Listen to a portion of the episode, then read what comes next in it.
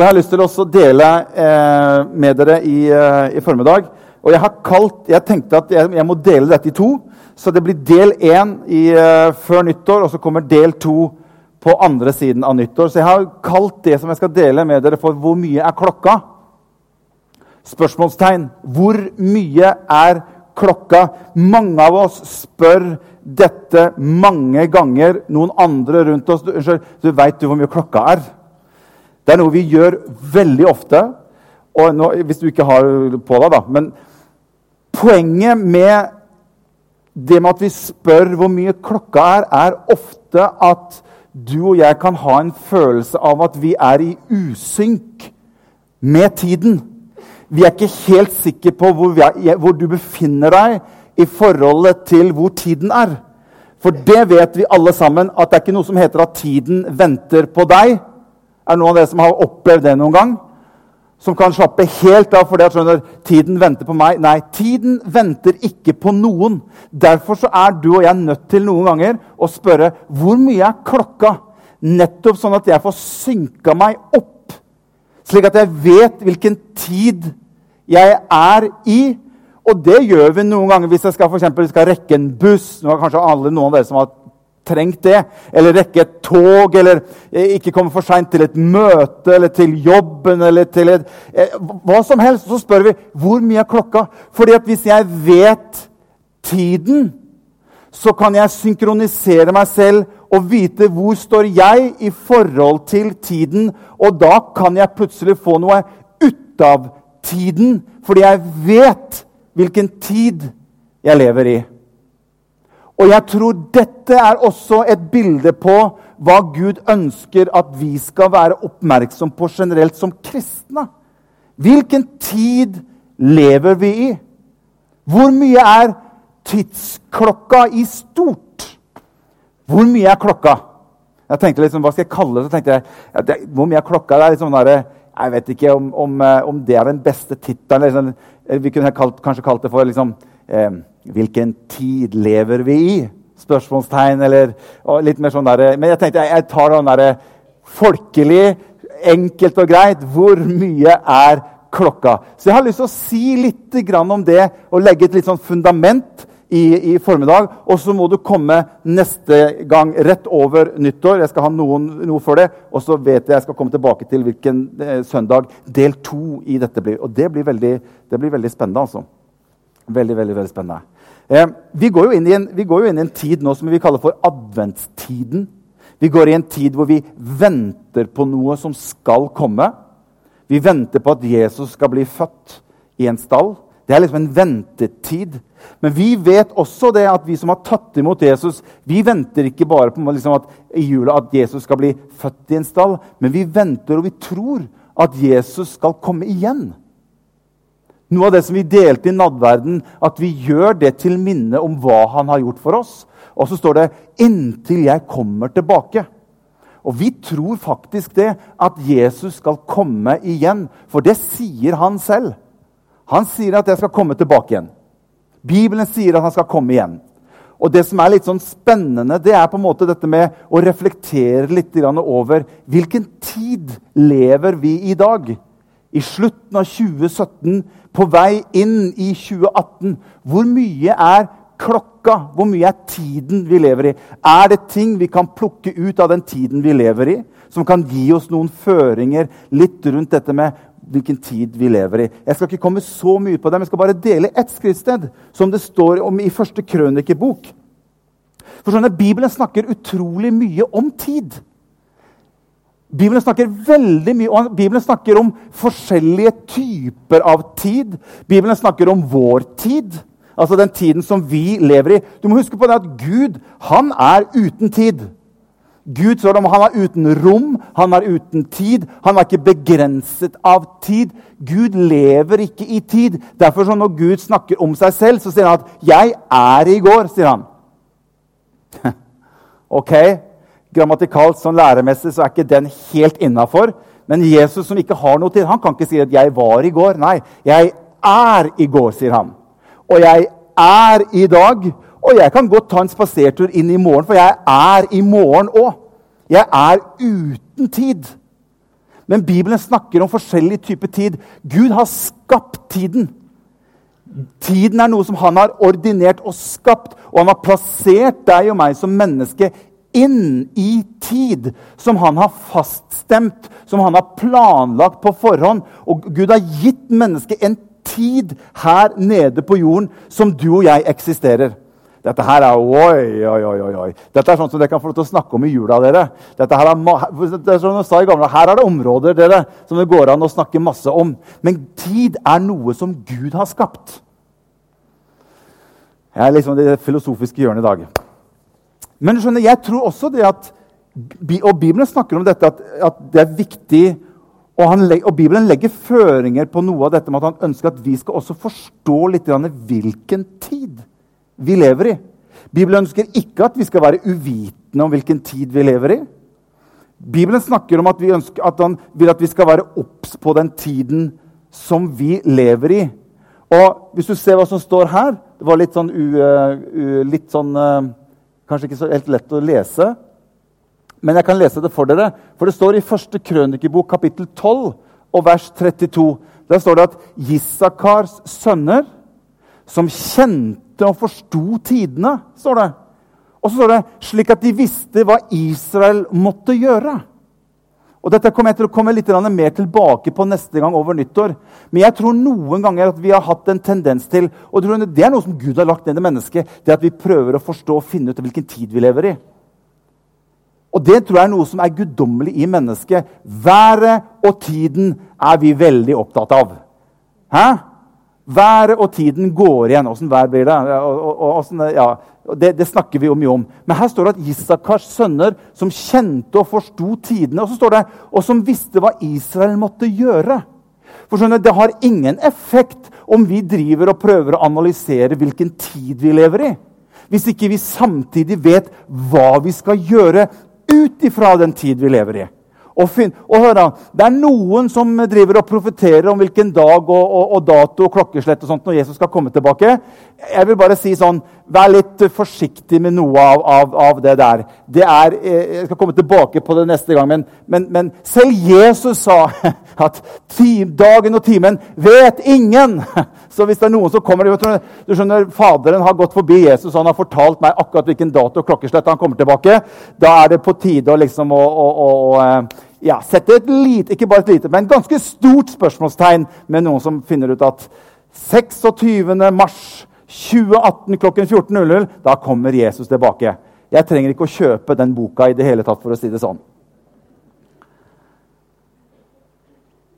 Men så jeg har skrevet her, da Lever vi i den siste tid? Jeg synes Det var litt spennende å ta noe av dette med tid i og med at vi går inn i en sånn adventstid. Lever vi i den siste tid? Lever vi i begynnelsen av den siste tid? Er det ting som skjer i verden i dag som gjør at vi kan på en måte samle noen ting og legge det litt sammen for å finne ut av hvilken tid vi lever i? Jeg tror det viktigste vi kan gjøre, det er at vi skal være obs på tiden vi er i. Men det viktigste viktigste som jeg ønsker å poengtere, det er at vi må vite hva vi skal gjøre i den tiden vi lever i. For Bibelen er mye klarere og åpenbare hva vi skal gjøre, enn den er klar på å gi oss helt nøyaktig dag og stund. For det, det, det, det, sier ikke Bibelen helt konkrete ting om. Men den er veldig konkret på hva vi skal gjøre. Og det er viktig. Og det er noe av derfor jeg tenker at det å bli synket opp imot hvilken tid man lever i, vil være med å hjelpe oss og oppmuntre oss og inspirere oss til å gjøre det Gud og først og fremst har kalt oss til. Det er at han sier at 'arbeid mens det ennå er dag', står det. For dagen kommer når ingen lenger kan arbeide. Der har du et helt klart bilde på at Bibelen ønsker at vi skal arbeide mens det ennå er dag. Vi må, vi må jobbe som om at han kan komme når som helst. Amen. For hvis det blir sånn ja, Vi har vel en 20, år tid, 20 års tid på oss enda, tenker jeg. Så det er jo bare å slappe av. Vi trenger ikke å gjøre så veldig mye. Da har vi misforstått totalt poenget med å synke oss opp imot hvilken tid vi lever i. Henger du med? Men jeg skal ta utgangspunkt i noe som står i Forkynneren. Jeg skal ikke holde på lenge her. Jeg skal bare dele noen tanker, bare legge et sånn enkelt lite fundament for dere. midt i julerushet. Vi skal ta utgangspunkt i Forkynneren kapittel 3 og vers 1. Forkynneren 3 og vers 1. Er du med? Er dere her? Bra. Forkynneren kapittel 3 og vers 1. Forkynneren det er jo Salomo som har skrevet. Jeg tror, jeg tror de gamle dager kalte det for Predikeren. Kan det stemme? Sto det i gamle, gammelbyen? Predikeren, forkynneren. Eh, eh, den boken, 'Forkynneren', er egentlig en litt sånn interessant bok. Det er Salomo som har skrevet den. Og det er egentlig en veldig sånn, det er en utfordrende bok. Det er vel den eneste boken i Bibelen man omtaler som at er en type filosofisk bok. Som tar opp de eksistensielle spørsmål om livet.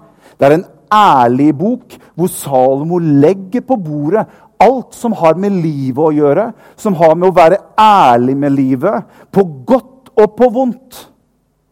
Og Det er en bok som er veldig spennende, veldig vanskelig noen ganger å forholde seg til. Så hvis du er ny på veien, så vil jeg ikke anbefale å begynne å lese i Forkynneren. Det er en litt sånn, litt sånn tung, tung, bok å, å, å, å forstå.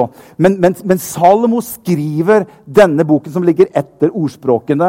Og det er masse visdom og masse flott egentlig som, som Salomo tar tak Og gjennomgangstonen i Forkynneren har med tiden å gjøre.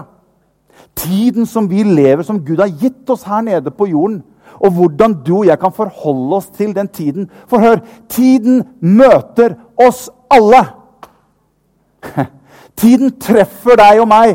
Alle mennesker er berørt av tid. Og Det er noe av det som Salomo tar opp i Forkynneren. Så vi skal se hva, som, hva Salomo sier i kapittel 3 og vers 1. Der sier han Alt, sier han, har sin tid.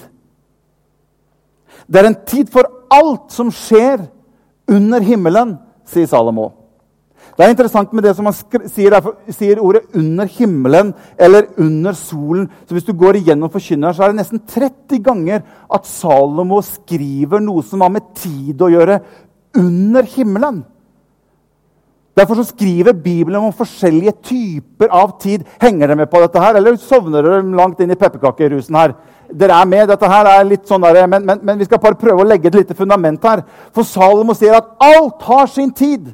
Det er en tid for alt som skjer under himmelen. Det virker som at Bibelen definerer ofte at det som skjer under himmelen, det er din og min tid. Det er den hverdagen som du og jeg lever i. Det er det som skjer fra søndag til søndag, eller fra dag til dag, fra uke til uke. Det er det som skjer om morgenen når vi står opp. Det er det som skjer gjennom livet vårt, i familiene våre, i ekteskap. hva som helst. Det er det Salomo kaller for Det er tiden under himmelen. Så sier han alt har sin tid, sier han, under himmelen. Det som, det som, Salomo snakker veldig mye om i Forkynneren, det er at veldig mange ting bringer tiden med seg som du og jeg vil måtte komme til å møte på. Tiden tar med seg en del ting som du og jeg treffer på som menneske. Og hør, det er ingenting som heter at du og jeg kan bare glatt unngå alt som er utfordrende i livet. Fordi at tiden, sier Salomo, vil føre med seg en del ting som er på godt og som er på vondt i våre liv. Men likevel så snakker Salomo om at da er det bra å være to. Det er bra å stå sammen med noen. Det er bra å ha Gud med på laget. Man sier at tiden, sier han, den vil møte deg, og den vil møte meg. Og den vil på en måte ramme oss alle sammen med det den har i livet vårt. Har du lagt merke til jeg har lagt merke til, jeg har flydd en del. Og jeg har lagt merke til at noen ganger når, når, du starter å fly, så kan det være forferdelig dårlig vær. Og du setter deg i flyet, og så sier kap, eh, kapteinen eller piloten at ja, vi er klart, snart klart til avgang her. Eh, det verste jeg vet, er når de driver med skal hva heter det, deise vingene. Da kjenner jeg liksom at ok, her må det en ekstra for å få isen av vingene. Hvorfor må du det, liksom? Og det kan være forferdelig dårlig vær, og piloten sier at vi skal ta av om ikke så lenge. Vi gjør bare oppmerksom på at det vil være en del turbulens. Ja da, tusen takk for oppmuntrende ord. Det vil være litt sånt nå i, i, i starten. Er det noen som har opplevd det? At, at, det kan være litt sånn? Og man tar av, og man tar av med flyet. Og hør, det kan være mørkt. Det kan være turbulent, fly kan liksom småriste, det kan regne på utsiden, det kan være mørke skyer, og du stiger og stiger, og plutselig så bryter du igjennom skylaget. Er det noen som har vært med på det? Og plutselig så skinner sola. Og det er blå himmel, det er ikke en sky lenger. Og det er helt stille. Hvor du bare for noen sekunder siden satt i én verden hvor det braka og det rista og det regna og det skaka, og du kjente frykten begynte å ta deg, angsten begynte å ta deg, det var dårlig vær, og plutselig neste øyeblikk så er det helt stille, og du kommer inn i en annen verden. Det er det Bibelen snakker om, om hans tid. Om menneskets tid. Det er det Bibelen snakker om under himmelen og over himmelen. Og til og med så sier Bibelen at du og jeg som har tatt imot Jesus, står at vi er satt i himmelen med Kristus Jesus. Og Det sånn det er noe av dette som jeg ønsker å bare oppmuntre oss alle sammen med. At når du og jeg har tatt imot Jesus, så står det faktisk det at vi har kommet i kontakt med et rike som er over himmelen. Og det er så viktig at du og jeg greier å koble oss på det riket, den himmelen, selv om vi beveger oss under himmelen i livet vårt. Det er derfor Bibelen snakker om at 'la dere forvandle ved at deres sinn fornyes', slik at ikke været og tiden, alt det som er, som skaker livet vårt når vi lever livet her nede i tiden, La ikke det få lov til å fjerne all tro på at det fins et rike som du og jeg er koblet på, som heter Jesus Kristus. Og han beveger seg i en annen atmosfære. Og han har satt deg og meg også inn i det riket, slik at det riket kan være med sammen med deg og meg i den hverdagen og i det livet som vi lever her nede på jorden. Amen. Jeg syns det fortjente et lite amen. jeg. Amen. Forkynneren sier at det er tid til alt som skjer under himmelen. Eh, så, går, så, går, Salomo videre i det, i, det verset hvor han sier at alt har sin tid. Så går Salomo, så er han veldig ærlig med livet. Og jeg liker, hør, jeg liker en kristendom som er ærlig med livet, og som har en tro på Gud. Jeg liker en kristendom som er ærlig med livet, men som har en tro på en stor Gud. Amen. Det går an å være ærlig med livet, men samtidig kjenne en stor og mektig Gud. Det er mulig å leve ærlig og si at akkurat nå så står det ikke så bra, tid, så bra til, men jeg har en Gud som er med meg. Det er lov til å være ærlig. Hvis vi lever et uærlig liv, så er det vanskeligere for Gud å kunne slippe til inn i din og min hverdag. David han var det mest ærlige mennesket nesten du kan finne. Når du leser salmene til David, så var ikke det bare rosenrøde skyer og suksess og gull og grønne skoger. Han ropte ut sin nød til Gud. 'Gud, hvor er du?' Hvordan kan det noe som dette her skje? Han var ærlig med livet, men han henvendte seg til han som er over himmelen. Og han visste at han var med han gjennom livet.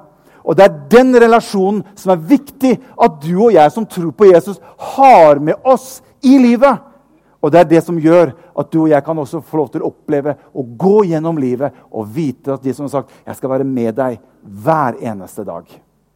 Det er lov til å leve ærlig. For, for, for Salomo han går videre så sier han noe det her er, det her er liksom han, han, går videre og så nevner han faktisk 14 motsetninger som livet på en måte kan, kan komme med. Han sier bl.a.: Det er en tid til å bli født og en tid til å dø. Det er jo Det vet vi. Han sier at det er en tid til å plante, det er en tid til å rykke opp. Det er en tid til å gråte, sier Salomo, og det er en tid til å le. En tid til å sørge, en tid til å danse. Mange forskjellige som skriver det er en tid til å tie og en tid til å tale. Det sier jeg av og til hjemme. Nå er det en tid for å tie. Alt har sin tid. skal ikke komme inn og gå inn i grunnteksten på det, på, på, på det der. Det er en tid til å tie, og det er en tid til å tale. Det er en tid til krig, og det er en tid til fred. Og dette sier Salomo.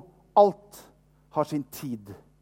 Og det er tiden som vi møter mens vi lever, som bringer med seg denne tosidigheten av opplevelser som vi kan oppleve gjennom livet.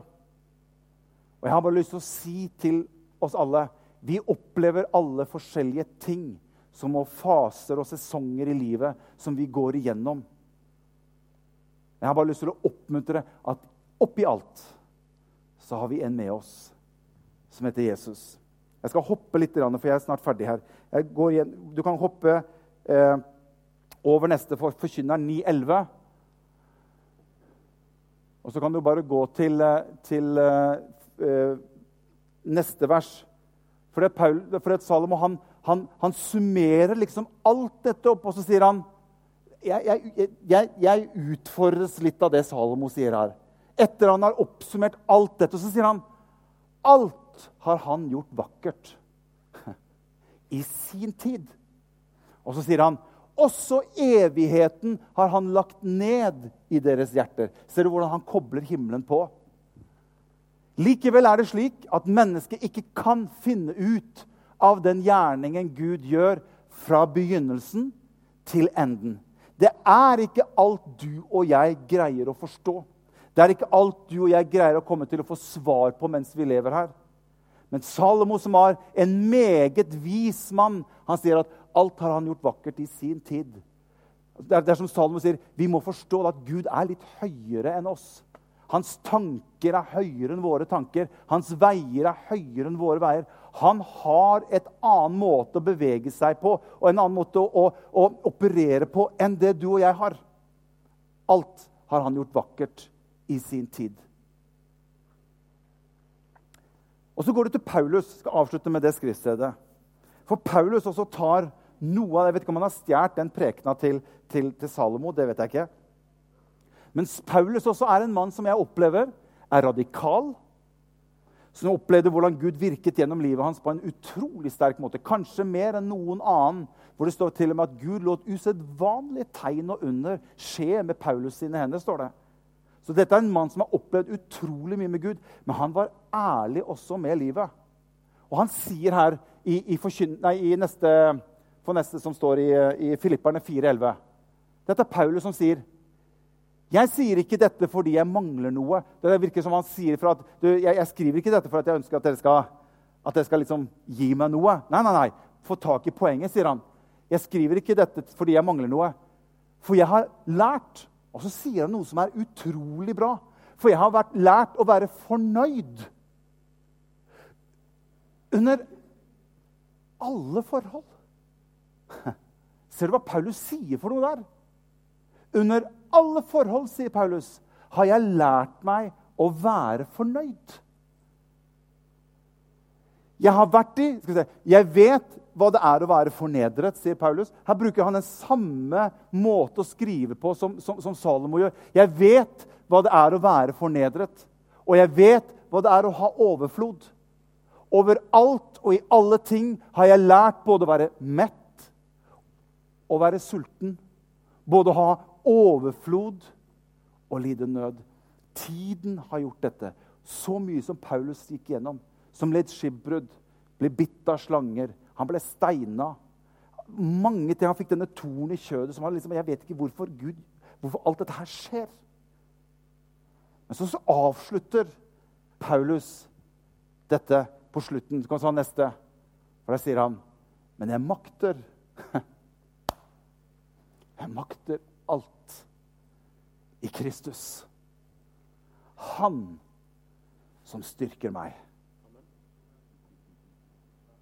For en, for, for, en avslutning på en ærlighet. Og så sier han, 'Men jeg makter alt i Kristus'. Han som styrker meg, sier Paulus. Om jeg møter det eller det, så er det ikke alle svar jeg har på hvorfor Og noen av oss kan spørre hvorfor skjer det akkurat meg. Hvorfor er det jeg som må gå gjennom dette? Hvorfor er det jeg som opplever sånn og sånn? Hør, vi har ikke svar på alt. Men vi må lære oss mens vi vandrer i denne verden, det er at vi har en som heter Kristus med oss. Og gjennom han, når jeg får tak på han, står det 'Jeg makter alt i Kristus'. Han som styrker meg. Amen. Halleluja. Kan vi ikke reise oss opp, alle sammen? Jeg makter alt i Kristus, han som styrker meg. Jeg makter alt i Kristus, han som styrker meg. Er ikke det bra? Jeg vet ikke hva som er din utfordring akkurat nå. Jeg vet ikke hva livet og hva tiden har gjort med ditt liv. Kanskje du står midt oppi noe. Jeg vil at vi skal bare lukke våre, våre øyne alle sammen. Lovsangeren kan komme opp. Vi skal bare bevare roen litt til her. Jeg vet ikke hva livet og hva tiden har brakt, tilveiebrakt for ditt liv. Og Det kan godt hende at du har mange spørsmål. Men jeg, jeg kan ikke noe annet enn å bare si det som Paulus sier. At når jeg har fått tak på Kristus, så fins det en himmel over den tiden som vi lever i, hvor han rår. Hvor han er herre, og jeg har fått en kobling på den. Og når jeg møter vanskeligheter og jeg møter utfordringer i livet, så kan jeg vite, som Paulus sier, men jeg makter alt. Ikke alene. Ikke i egen kraft. Hør, jeg har ikke kjangs i egen kraft. Men jeg makter alt i Kristus. Han som styrker meg. Derfor sier Paulus at når, når jeg er svak, sier Paulus, så er jeg sterk. Gleden i Herren er min styrke. Jeg har, ikke, jeg, jeg har nesten gått tom på glede selv. Det virker som at det er helt tomt der. Men gleden i Herren styrker meg. For jeg kan koble meg på den andre himmelen som han har skjenket mitt hjerte. Og Derfor står det at en dag i Herrens forgårder, en dag i hans nærhet, en dag igjennom skylaget der hvor han regjerer, en dag der er bedre enn tusen ellers.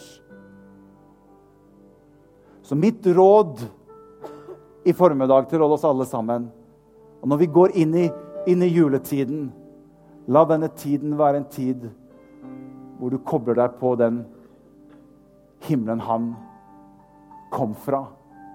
Han kom hit ned, ble et menneske lik. Han kom hit for å bane en ny og levende vei for oss, slik at vi kunne få lov til å få kontakt med den andre himmelen. Halleluja. Og har du ikke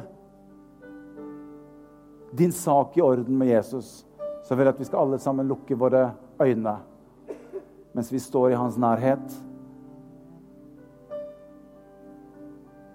Og Jeg kan ikke stå her og love deg gull og grønne skoger om du tar imot Jesus og får din sak i orden med Gud. Det kan jeg ikke. Men det jeg kan love deg, det er at du får kontakt med himmelen. Du får kontakt med Han som har sagt 'Jeg skal være med deg'. Jeg styrker deg. Jeg trøster deg. Jeg kan løfte deg opp. Hvis du ikke har din sak i orden med Gud, og hvis Jesus skulle komme i dag Hvis tiden var slik at han kunne komme i dag, og du er usikker på om du ville vært med når han henter sine, så har du en mulighet i dag til å ta imot Jesus i ditt liv og få ditt hjerte i kontakt med Gud.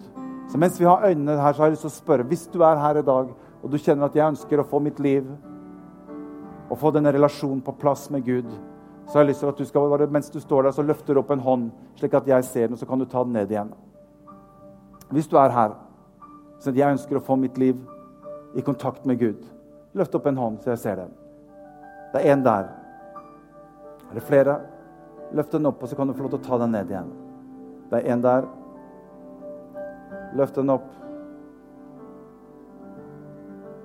Jesus, takker deg.